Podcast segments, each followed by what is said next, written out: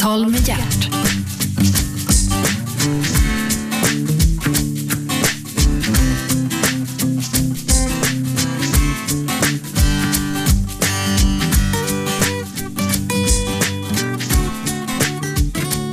God morgon och hjärtligt välkomna till Radio 1, den nya enda fina pratradiostationen i det här landet i alla fall. Ja, programmet heter Äntligen, Gert Fylking heter jag och äntligen är Maria Wetterstrand här. God morgon och hjärtligt välkommen. Tack, god morgon. Du, eh, det var, det, det var inte helt enkelt att få hit dig faktiskt initialt vad jag förstår. Det var inte jag som ringde dig utan det var vår underbara produktionssekreterare Ina. Ja, jag försökte bara förklara att jag kanske inte tar dig som programledare på så stort eh, allvar när det gäller politiska frågor. Där har Men, du eh, rätt. Ja, men eh, ja, jag gav mig till slut. Mm. Nej men eh, jag tänker inte heller, det här, det här är inte ett, ett program där vi ska prata allt för mycket politik. Jag kan inte ställa dig till svars för sådär jättemycket grejer och du ska inte behöva förklara heller så mycket. Men du är i alla fall miljöpartist, avgående språkrör som det kallas. Ja, till och med avgången skulle man nog kunna säga nu. Ja det kan man säga Ja. nu. Du har, varför är ni två? Därför att det fanns från början en tanke om jämställdhet, att det ska vara en man och en kvinna och att eh, dela på makten. Att inte en person skulle förses med den typ av makt det innebär att vara partiets för, Det är företrädare. en väldigt bra tanke det. Mycket bra tanke. Mycket bra tanke. Mm. Eh, har, har det där stött på patrull? I, tycker man det är konstigt i, i det etablerade politiska Sverige? Ja, inte nu längre, men eh, från en början så raljerades det överallt om det. Och eh, ja, jag skulle nog säga att eh, det händer ju nu med, men innan Peter och jag blev språkrör så var det rätt ofta som det, som det raljerades över det. Och det var väl inte heller så att det funkade helt perfekt alla gånger då. Ja men det är ju som vilket, vilket äktenskap som helst. Ja, eller vilket delat ledarskap som helst. Ja, ja så kan man väl kanske säga. Nej men delat ledarskap är svårt. Det är det. Där, därför att det gör att, att vissa människor får ju förtroende för en person mer Mm. och för en annan person mindre därmed. Och sen så, så får man en favorit. Men vi är ju enkla vanliga människor, det är ju inte konstigt. Men det är ju bra då om man har att välja på två stycken och båda är miljöpartister. För att då, vem man än väljer så är man ju då miljöpartist. Det är mycket praktiskt. Ja det är det. Tänk om alla var miljöpartister, vad enkelt det skulle Ja, vara då. De bara valde mellan mig och Peter och nu mellan Åsa och Gustav och så bestämde vem de gillar mest och så, ja, var de den sortens miljöpartist. Det är perfekt. Men, men Gustav Fridolin, han, han är ju den som är, han är ju som du mera. Han är ju omtyckt och populär och snygg Ja. och... Det var ju, det, det var ju inte jag från början, Nå, något av det där, ehm, när jag tillträdde. Utveckla. Nej, men när Peter och jag blev valda så var det ju Peter som var den som var känd. Ja, och eh, respekterad. Mm. Och det, var- det var ju en intervju som gjordes med oss två i direktsändning i TV, där eh, KG Bergström sa till Peter att ja, så jag har hört från mina kollegor att de kommer ju alltid bara att ringa till dig när de vill fråga någonting. Hur blir det med jämställdheten? mm. ja hur blev det med jämställdheten? Ja. Mot slutet så ville man bara prata med dig. Ja, det var inte riktigt så Hallå? faktiskt. Jo, det var det. Jag vet, för jag, jag, jag vet eftersom jag själv jobbar per definition inom media, Ja. så vet jag ju hur mycket media ville åt just dig. Jag ville åt mig, ja. Men Jag det var inte sätta åt, utan få ta Jo, del... det ville de också. Nej. Men, eh, men Peter eh, har inte direkt varit sysslolös, kan jag lova, under de här senaste åren heller. Du, Maria, vi gör så att vi lämnar politiken därhen ett ögonblick och så ägnar vi oss åt Maria Wetterstrand istället. Född i Eskilstuna. Vad var det? Eh, Jag ska titta i mina papper här. Den 2 oktober 73 i Ja. Eskilstuna. Det är ju den viktigaste informationen om mig, att jag är född i Eskilstuna faktiskt. Nej, men den är nog så viktig. Du född i ett brukssamhälle. Absolut. Jag, jag vet inte vad dina föräldrar ägnade sig åt för att få tiden att gå och pengarna att rinna in, men det kanske du kan berätta. Ja, min eh, mamma är eh, lärare och min pappa är eh, numera fritidschef i Eskilstuna kommun och eh, när jag var yngre så hade han andra eh, positioner inom kommunförvaltningen. Därför att min pappa var rektor Mhm. i Solna läroverk. Det kan ju förklara det mesta tänkte jag säga, men det vet jag inte om det kan. Hur menar du nu? Nej, jag, jag tänker berätta mer.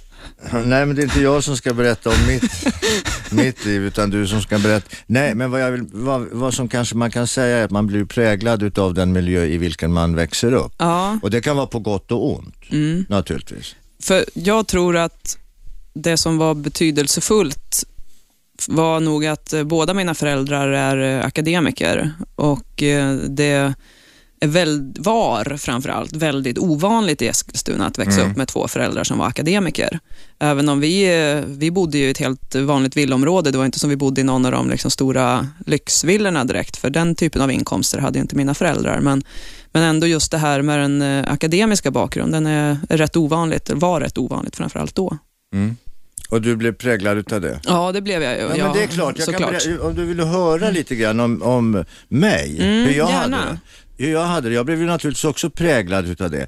Därför det var inte bara det att min, min eh, pappa undervisade, han var ju dessutom rektor. Alla som bodde där, där vi bodde i Solna, liksom, alla visste ju naturligtvis vem han var och han hade otroligt stor respekt med sig den där mannen. Och då visste ju alla också per definition vem jag var. Alltså jag var ju rektorns grabb. Så att, men vad jag fick med mig från detta akademiska hem, denna kälkborgerliga miljö, det var några jädrigt bra saker. Man skulle göra allt. Man skulle gå på teater, film, man skulle gå på konserter, man skulle gå på opera, man skulle gå på konserthuset, man skulle gå i kyrkan, man skulle gå på fotboll, man skulle titta på is och allt skulle man göra. För man skulle inte säga, nej det där gillar inte jag utan att ha sett det eller varit med om det eller deltagit i det. Det var väldigt bra. Mm, ja.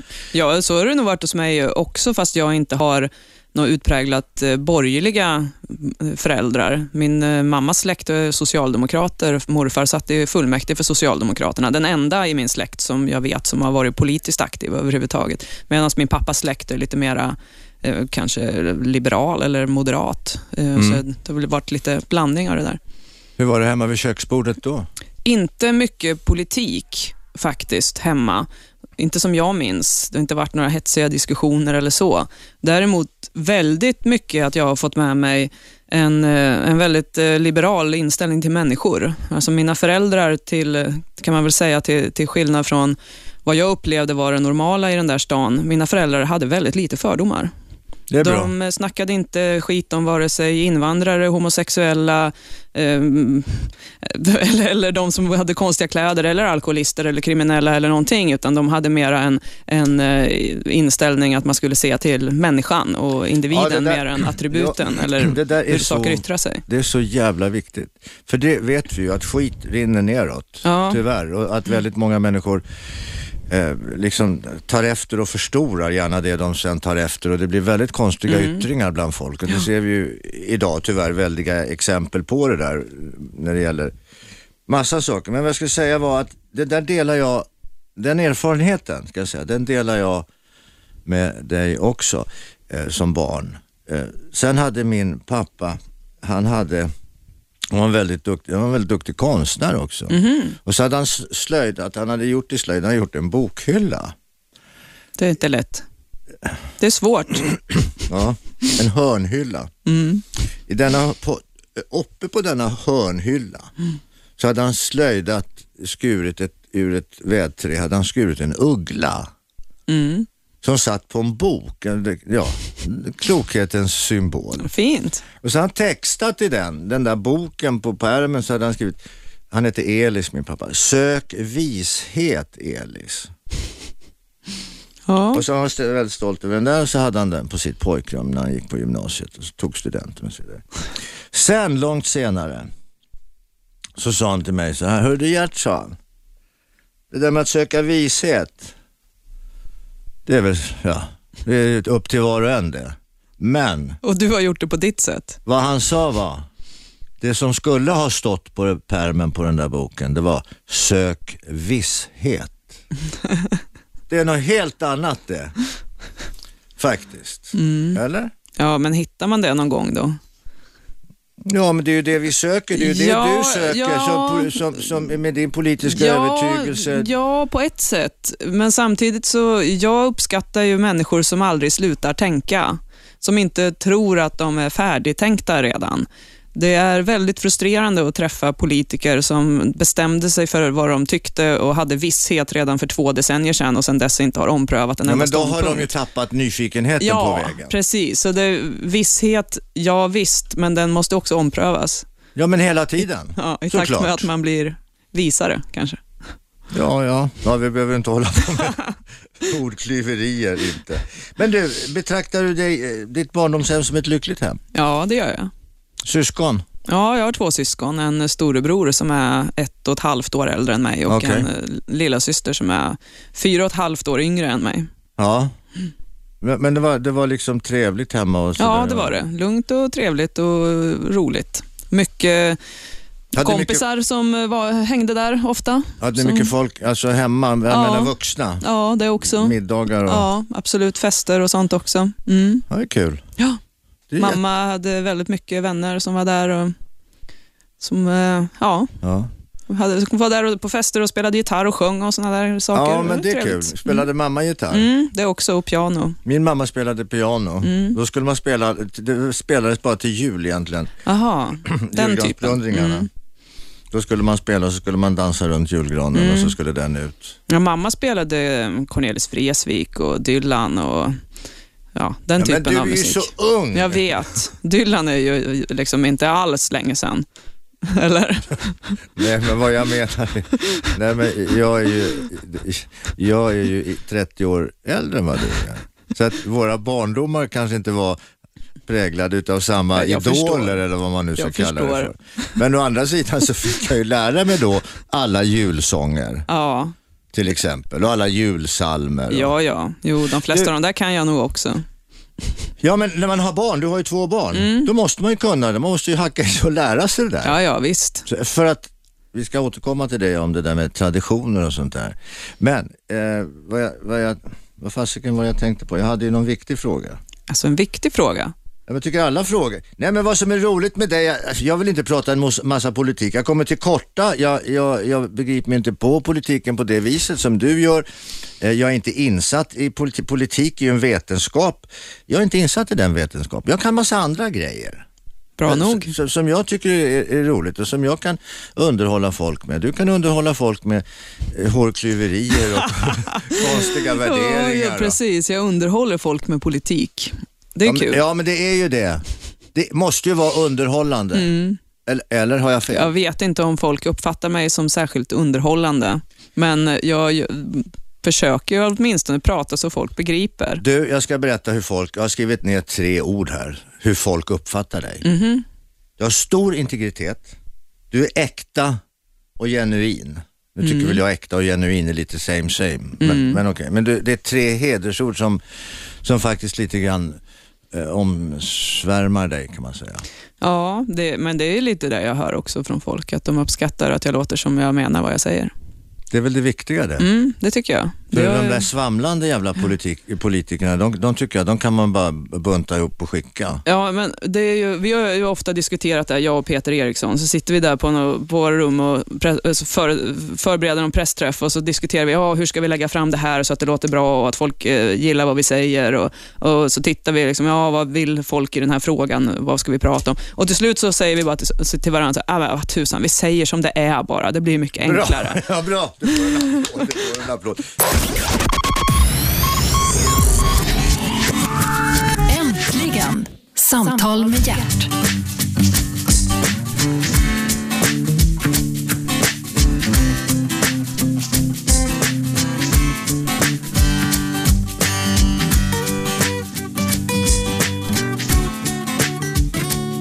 Ja, hej igen och kul att ni sitter kvar. Gert Fylking heter jag, programmet heter Äntligen kanalen Radio 1 och äntligen är Maria Wetterstrand här. Mm. Eh, Vi tar och rekapitulerar lite här. Du har avgått som Miljöpartiets språkrör. Mm. Du var under valrörelsen otroligt populär, man ville säga det som statsminister Ja, då, vid en eventuell blockseger. ja.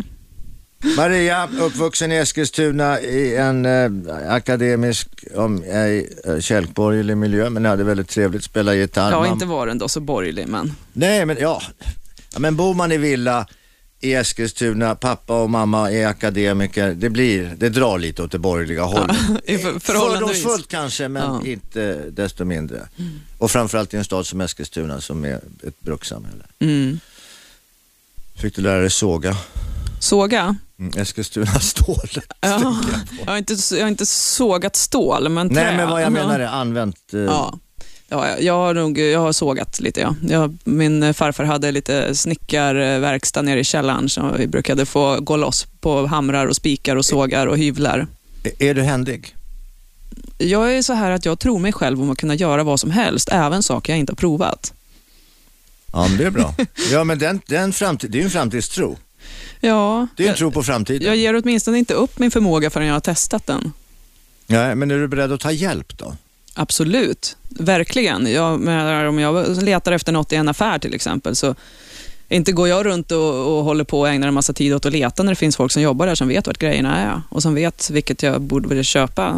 Så då att- sätter går du näsan i vädret. Hej, jag heter Maria Wetterstrand. Kan ni tala om var de grejerna finns? Ja, jag går in där och säger nu behöver jag det här. Skulle du kunna hjälpa mig? För du vet nog det här bättre än jag.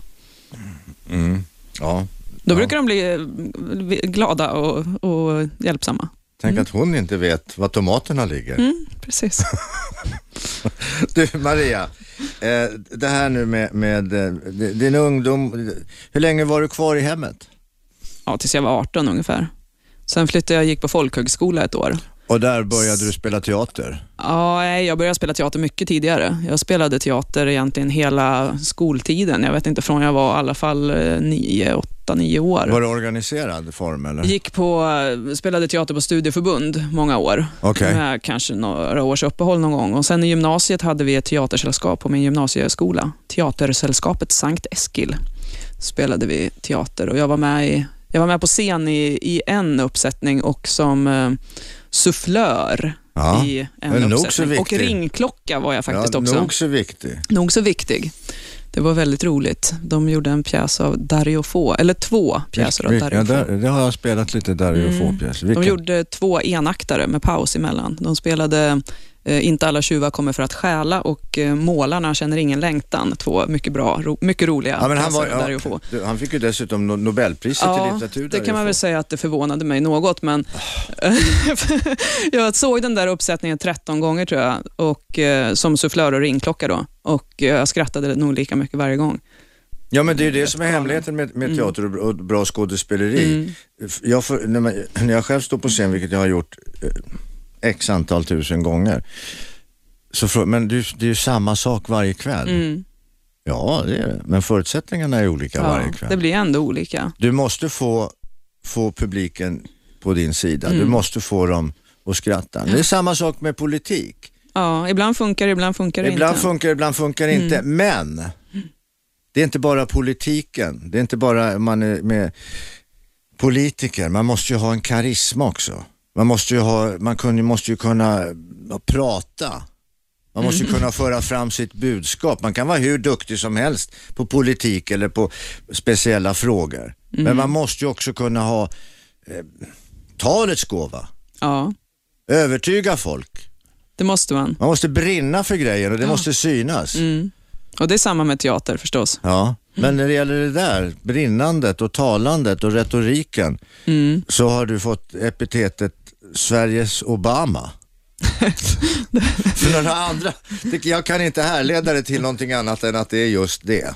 För Ja. några andra eh, likheter har jag svårt att se, just optiskt i alla fall. Ja, nu tänkte jag säga så här, konkurrensen är inte så hård, men det var ju faktiskt väldigt elakt sagt. Men, men det var egentligen menat mer som att nedvärdera lite min egen insats. Alltså, amerikaner är ju fantastiska på att hålla tal Ja. och göra framföranden. Jag vet inte om det finns någon i Sverige som kan mäta sig med ens mediokra amerikaner. det. Men du, är det inte dags då att ta in lite, för det där har jag tänkt på, det Ja. där är inte bara inom politiken utan det är ju faktiskt också inom eh, näringslivet.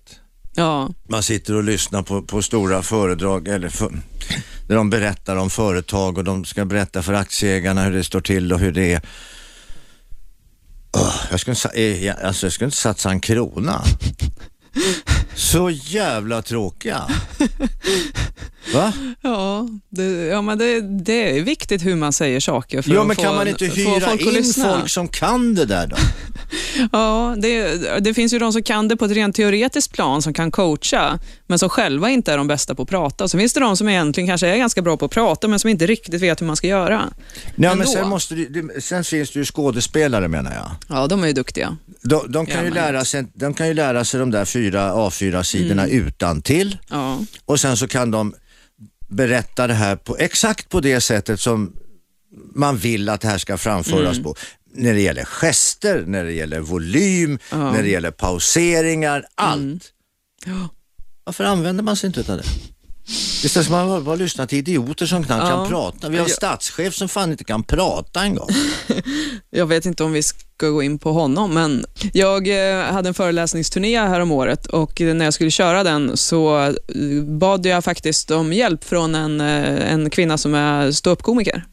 Ja, som kollade igenom manuset och gav lite tips. Ja, men tror du, tror du att du har med din, din eh, bakgrund på folkhögskolan där du liksom höll på med teater mera organiserat att göra, att du begrep att det finns faktiskt hjälp att ta utifrån kanten? Ja, det kan nog hända. Tips från coachen som Ja, det heter i, i eh, parlamentet. Ja, hon hängde med och kollade på ett av mina framföranden och gav, eh, gav respons efteråt och sådär också. Regi. Ja, kan man säga om man vill. Du, när får vi se dig på Talias hala brädor igen då? Ja, jag kom att tänka på här om veckan att, att, eh, att det där med teater är rätt kul, men nu är jag väl ändå för gammal för sånt. Nej, det är du inte. Det är du inte. Det är du ju inte. Hur kan du säga det? Du är 38 år. Ja, 37 faktiskt bara. Är 37. Mm. Har bara en sån sak. Mm. Inte fan för gammal. Hur kan du påstå att du är för gammal? En kvinna blir aldrig för gammal. Det är Ja, bara det- män som blir för gamla. Alltså, jag trodde det var tvärtom. Nej, tyvärr. tyvärr. Nej, men det är klart att du ska upp på scenen igen. Om du har ett vurm för. Ja, har du någon roll att erbjuda mig då? Ja, det har jag. Det har jag. Vi kan spela Romeo och Julia du och jag. Åh, jag tycker den pjäsen är hemsk. Ja, det är jag, gill, jag älskar Shakespeare, men just Romeo och Julia klarar jag inte av. Den är ju fruktansvärd. Jag kan klara av de flesta andra där alla dör på slutet. Det finns ju liksom två varianter Hamlet, Shakespeare. En där, alltså, en där alla dör på slutet och en där alla gifter sig på slutet. Ja. Och Det är klart att de där de gifter sig är oftast lite roligare. Eh, Men, men Hamlet har jag inga problem med alls, men Romeo och Julia är så outsägligt tragisk. Ja, det är liksom bara misär Ja, och så blir det värre och värre och värre. All vår längtan tas ju kål på. Allt det som vi brinner och offrar våra liv för tas kål på utav fördomar och idioti. Ja, men den är ju inte ens rolig. Hamlet kan ju ändå vara lite kul. jag, jag såg Thomas Di Leva spela Hamlet. Ja, uppe i Gävle, Ja, ja. uppe i Gävle på början av 90-talet. Och, det, var ju, det var ju riktigt rolig föreställning. De dog ju på slutet som vanligt ändå. Äntligen! Samtal med hjärt.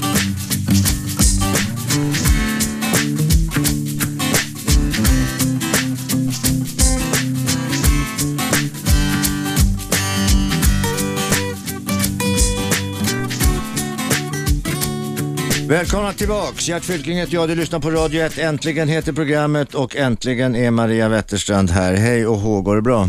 Ja, det tycker jag väl. Hörru du, eh, ja, inför sommaren här, vad händer? Jag har nästan inga planer alls faktiskt för sommaren och det är så otroligt skönt. Det, det var nio år sedan sist. Eller? Ja, Ja, vänta, jag bara, varför jag refererar till nio år, du satt en, eh, två man, mandatperioder här, så du satt så länge det gick. Mm, jag satt nio år som språkrör. Ja. Eh, Men det har väl varit lite upp och ner med det där med somrarna, men förra sommaren var det ju inte mycket ledigt, för då var det ju val i september sen. Så Ja, att, eh. Då var det ju jobb nästan hela tiden. Och ganska många somrar har jag haft en vecka i juli i Almedalen på politikerveckan Ja, sån på Gotland och det är klart att det, det bryter ju av rätt mycket semester. Ja, det där. är väl ganska bra då att ni är två? Ja, för vi har kört vartannat år. Ja, du ser ytterligare en fördel med att ha mycket. två språkrör. Ja, även det här att jag har kunnat vara föräldraledig i två omgångar och lämnat över allt ansvar till Peter Eriksson har ju varit utmärkt. Ja, just det. Du har svikit Ja, partiet. precis. I, i, först sex månader en gång och sen fem månader en annan gång. Ja. Ja. ja, du har två barn ska vi säga, vi ska tillägga. Och sen är du gift med en finne, Mm. som heter Ville. Ja, Eh, och han bor i Finland och du bor i Sverige. Var har ni barnen? i Sverige. Frågar sig vän av ordning. Mm. De går på dagis eh, i Sverige. Så du har, du har då hela den bördan. Ja, i veckorna. Mm. Funkar det? Ja, det funkar ju hyfsat. Men Så du- du alltså, barnen, en- barnen mår ju bra och jag mår bra och det är klart det är lite påfrestande emellanåt det här att eh, resa emellan. Och, Ja, men sen Så- har du uppdrag och sena Mm. uppdrag och ska ut på kvällarna. Hur löser du det där? ja, eh, jag är eh, outsägligt trött på att fixa barnvakt faktiskt Mhm. i det här laget. Det är en av de saker jag tycker är väldigt skönt med att lämna över det här uppdraget till andra, språkrörsuppdraget. För då kan jag säga nej till mer kvällsgrejer. Jag säger nej, har redan förut sagt nej till en hel del kvällsgrejer för att jag vill kunna hämta barnen. Men du, du, alltså du, du, du, är, du är ju ensamstående tvåbarnsmamma. I Ja, veckorna? Ja, Och sen så åker du över till Finland, ja, han åker framför allt. t- fram och tillbaka. Mm. Och så blir, kommer pappa, det blir lite julafton och sen drar pappa.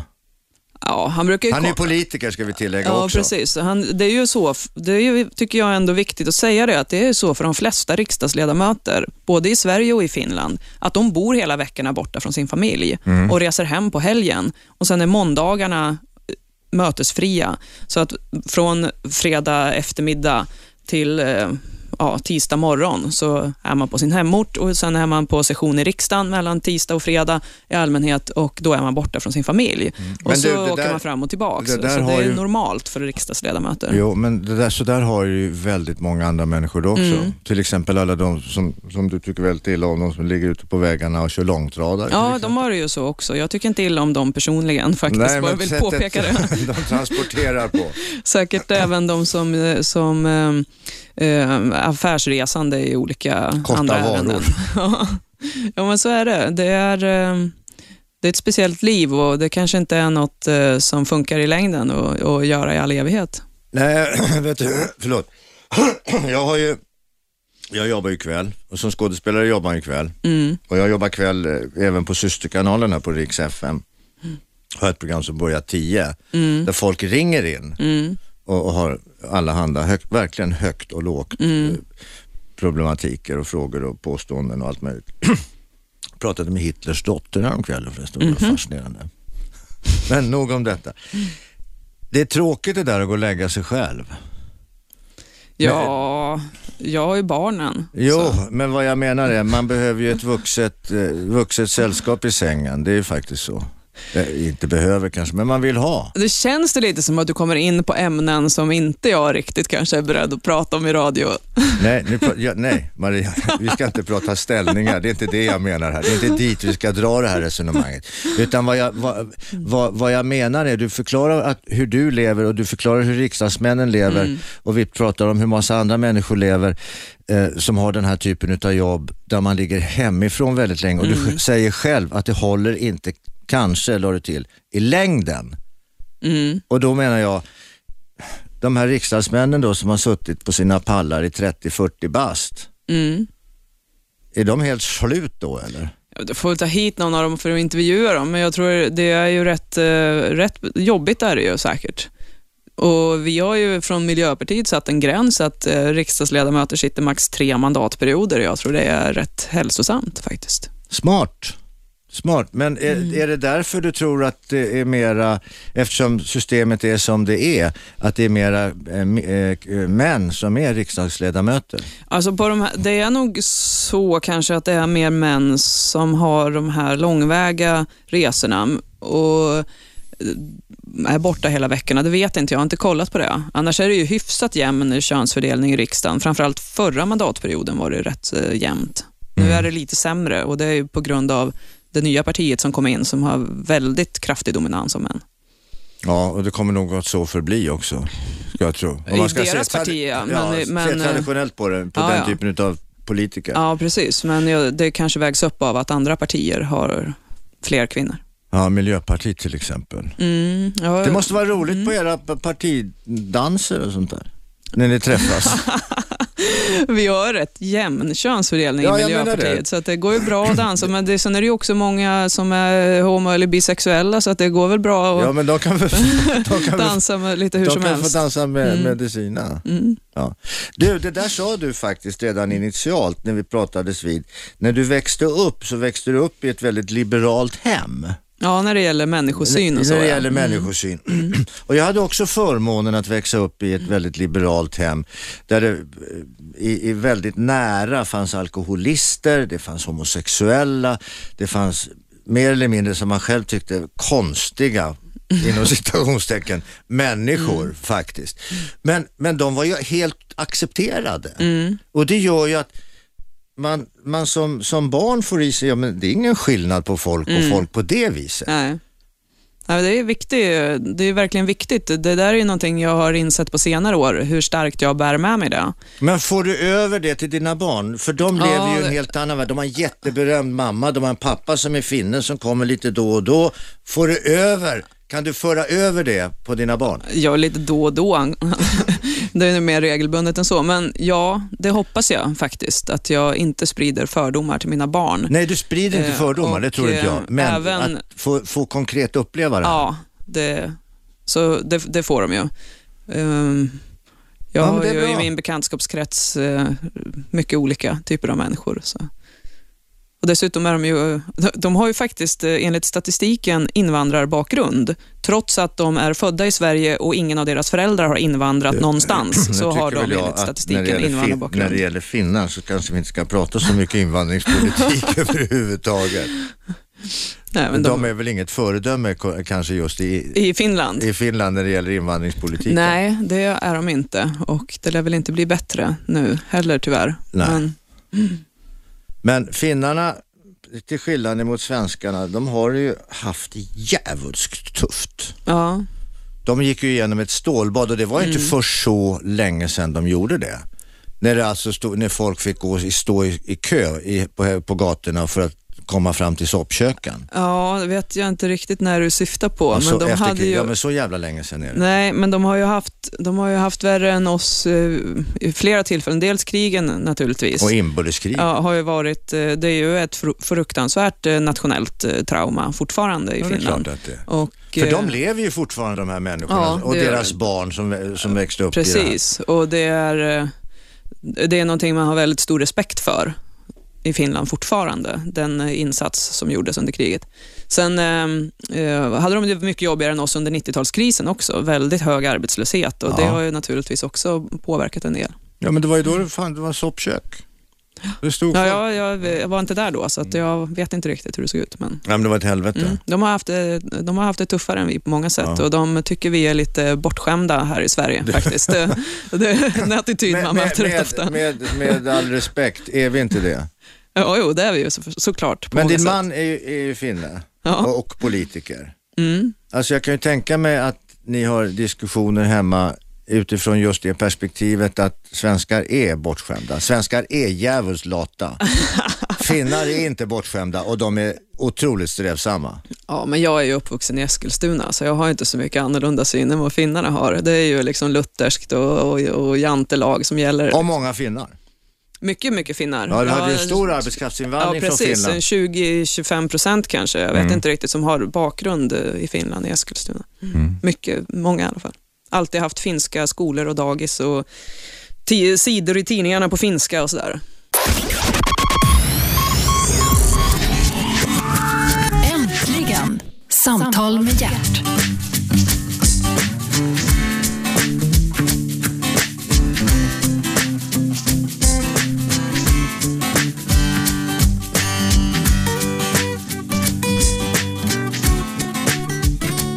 Välkomna tillbaka, Gert Fylking heter jag. Du lyssnar på Radio 1, den enda pratradiokanalen utan musik faktiskt. Även om du råkar ha musikörat så nära att du till och med sitter på det. Kära vänner, programmet heter Äntligen. Äntligen är Maria Wetterstrand här. Tack för att du ville komma. Nu är det du, Får varsågod prata. Du är politiker, sätt igång. Ja, Få lite precis. svada Jag här. håller lite låda här. Nej, Du, jag, nej, men jag du gillar sa, det där. Men, hallå, vänta, nu avbryter jag direkt här. Det är ofint av mig. Mm. Men vad du sa var att ibland så sitter man och så, hur ska jag säga, vad ska jag säga, hur ska folk fatta det här? Eh, och så, du satt och pratade med din kollega Peter Eriksson och så sa ni så här, men hallå, varför inte säga som det är? Ja, det brukar funka bäst i längden. Ja men det gör ju det. Ja. Att alltid liksom säga, men så här är det. Jag vill gärna dra en parallell till vår nuvarande monark. Kungen, du behöver inte ha, du behöver inte ha några värderingar, du behöver inte ha några eh, tyckanden i det här. Verkligen inte. Ska inte avkräva dig någonting i det här. Men, hade jag varit som kungen i den här situationen så hade jag inte snott in mig i en massa lögner. För att allt det där som påstås är sant. Det säger du. Det säger jag därför att jag vet att det är sant. Hur som helst så, så ska han ju säga så här. Och han är ju också omgärdad av idioter till rådgivare. Plus att han har väldigt svårt att uttrycka sig.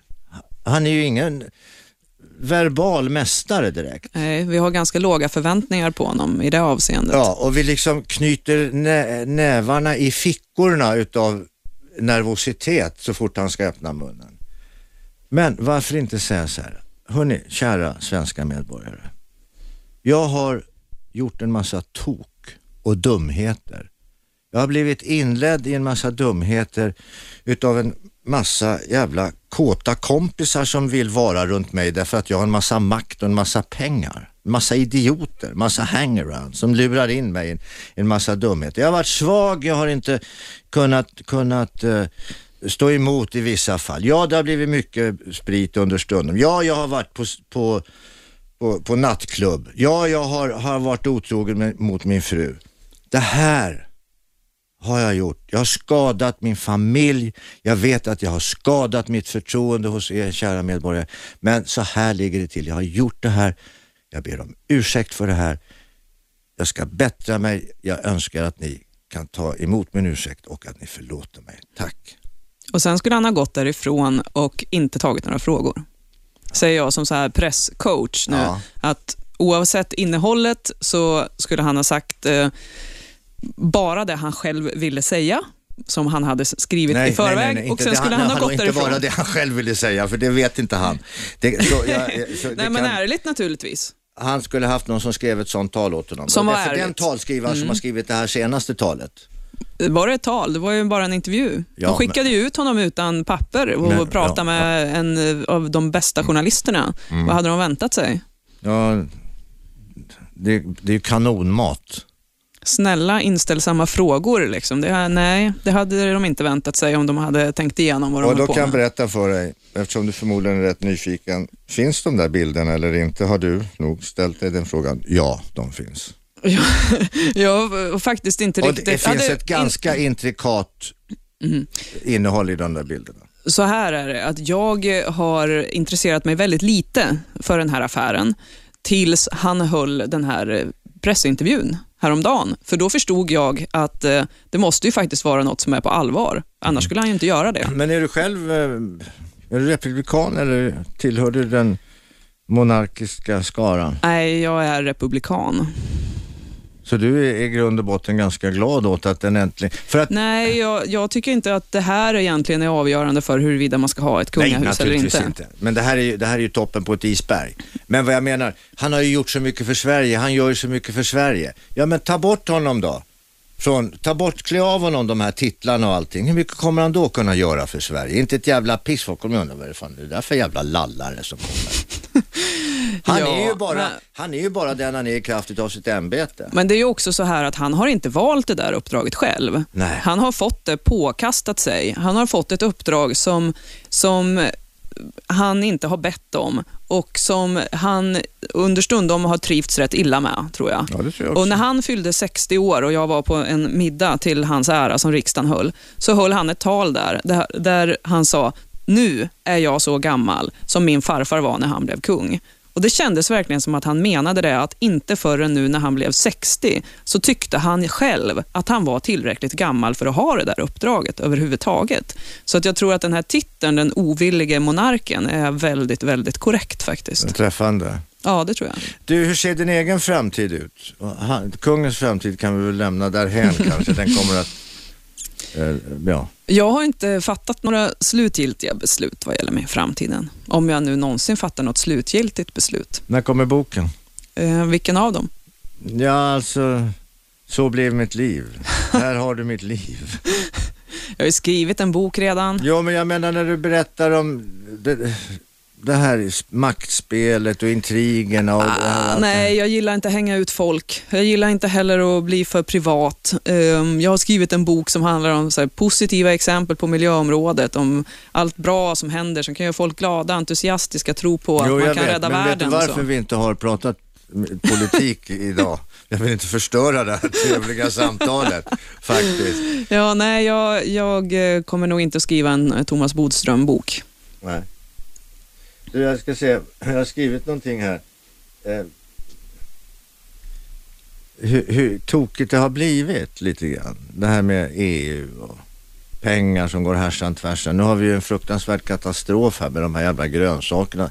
Nu, nu, nu vet vi ju att det inte är gurkorna som har legat i, varför de har förvarats i, i, i liksom gödsel, det har jag ingen aning om. Men, men, men det som de påstår att det var på det viset den här smittan och det är ju hemskt. Mm. Hade kommit till Sverige, eh, så, via Tyskland i och för sig. Men, men jag var på Åland.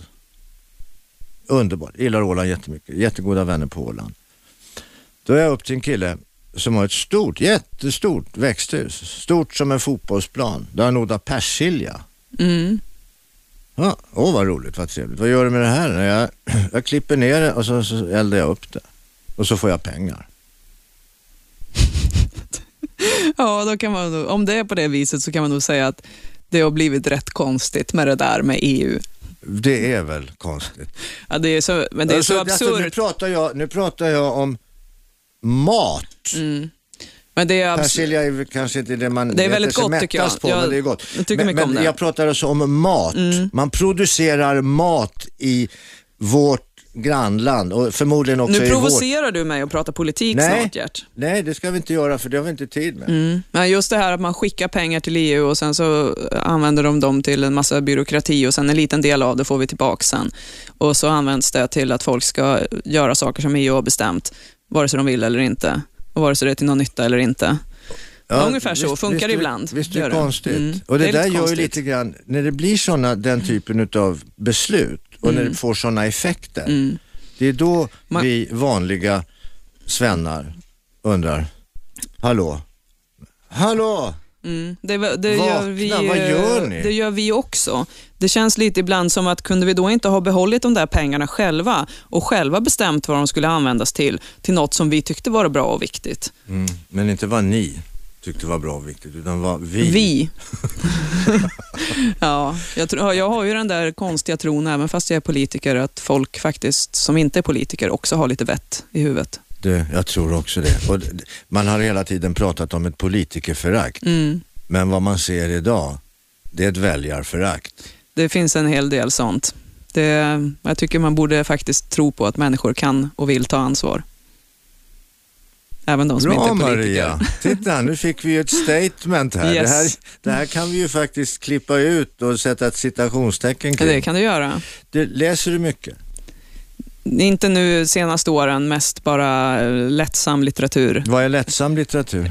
Deckare, science fiction, chicklit, sånt. Vad heter det så det? Chicklit. Vad är det? Det är såna här eh, kvinnoböcker, lättsamma kvinnoböcker. Grottbjörnens folk och sånt. Nej, det var länge sedan. Nej, nej, mycket mera moderna. Angelique-böckerna, de, vet inte ens du vad det var. Det var, det var, Det vet jag inte. Ja, ja, det var fantastiskt, vita serien fast Angelique då, ungefär om du förstår. Eh, n- när du var barn då, eller ung, ungdom? Läst mycket böcker, Mm. alltid, men eh, senaste åren mera lättsamma. Du var 18 år när du så att säga, flyttade hemifrån, du hamnade i Göteborg, det har vi inte sagt. Du blev biolog, tog en Mm. fin examen, det har vi inte heller sagt. Så att du har ett genuint kunnande i botten när det Ja. gäller mycket av miljöfrågorna. Det ska Ja. vi också veta. Ja. Att du har på fötterna. Mm. Det har jag. Ska du fortsätta inom politiken eller ska du fortsätta inom näringslivet? Vi har ju kommit överens om här att jag skulle spela teater. Ja. Eh, allvarligt talat Maria Wetterstrand, vill du att jag ska prata med några teaterproducenter? Jag, eh, jag har faktiskt verkligen inte bestämt mig för vad jag vill. Jag tror det är rätt bra men att nu jag tar det lugnt med det. politiskt på en fråga. Nu vill jag höra ja eller nej. Vill du att jag ska prata med några som faktiskt håller på med att producera teater? Du får gärna prata med vilka du vill. Fan. Så där är det när man inte vill svara på Du är saker. slipad Maria. Eh, och en fantastiskt trevlig människa att faktiskt ha med att göra. Eh, vi har ju haft förmånen att springa på varandra lite på olika eh, håll och kanter. Maria, jag kan säga det, Maria är jävligt trevlig. Undvik inte henne. Tvärtom, ta kontakt. Maria Wetterstrand, tack så hemskt mycket för att du kom hit till programmet. Tack så mycket. Äntligen heter det, Gert Fylking heter jag. Radio 1 är kanalen. 101,9 Radio 1. Sveriges nya pratradio.